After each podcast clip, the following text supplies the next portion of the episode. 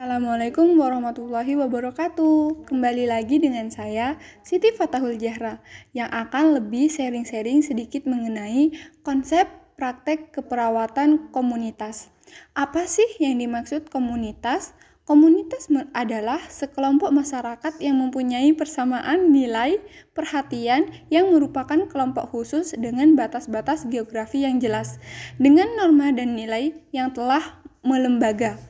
Misalnya, di dalam kesehatan dikenal kelompok ibu hamil, kelompok ibu menyusui, kelompok anak balita, kelompok lansia, kelompok masyarakat dalam suatu wilayah desa binaan dan lain sebagainya. Keperawatan komunitas sebagai suatu bidang keperawatan yang merupakan perpaduan antara keperawatan dan kesehatan masyarakat dengan dukungan peran serta masyarakat secara aktif serta mengutamakan pelayanan promotif dan preventif secara berkesinambungan tanpa mengabaikan perawat kuratif dan rehabilitatif secara menyeluruh dan terpadu yang ditunjukkan kepada individu, keluarga, kelompok, serta masyarakat sebagai kesatuan utuh melalui proses keperawatan untuk meningkatkan fungsi kehidupan manusia secara optimal sehingga mampu mandiri dalam upaya kesehatan.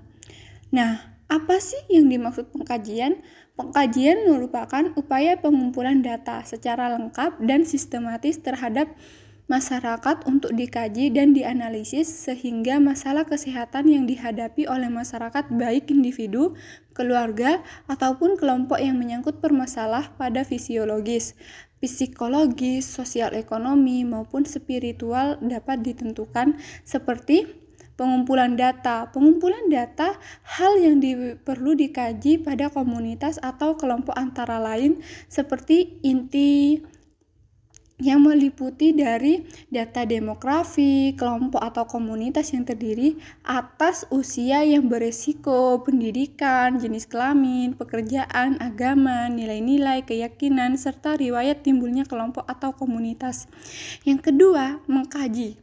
Mengkaji itu ada delapan subsistem yang mempengaruhi komunitas antara lain pertama perumahan, kedua pendidikan komunitas, ketiga keamanan dan keselamatan, keempat quality dan kebijakan pemerintah terkait kesehatan, kelima pelayanan kesehatan yang tersedia, keenam pelayanan kesehatan yang tersedia, ketujuh sistem komunikasi, kedelapan sistem komunikasi dan reaksi.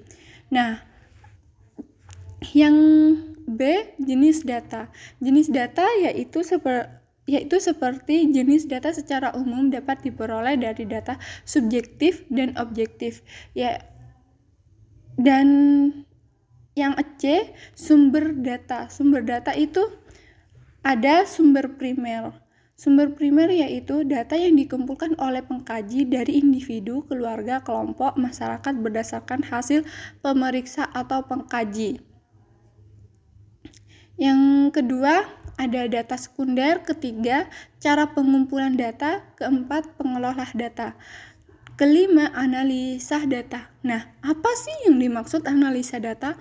Analisa data yaitu kemampuan untuk mengingatkan data dan menghubungkan data dengan kemampuan kognitif yang dimiliki sehingga dapat diketahui tentang kesenjangan atau masalah yang dihadapi oleh masyarakat apakah itu masalah kesehatan atau masalah keperawatan. Oke, terima kasih apabila ada kurang lebihnya dalam menyampaikan materi. Mohon maaf. Sekian dari saya. Wassalamualaikum warahmatullahi wabarakatuh.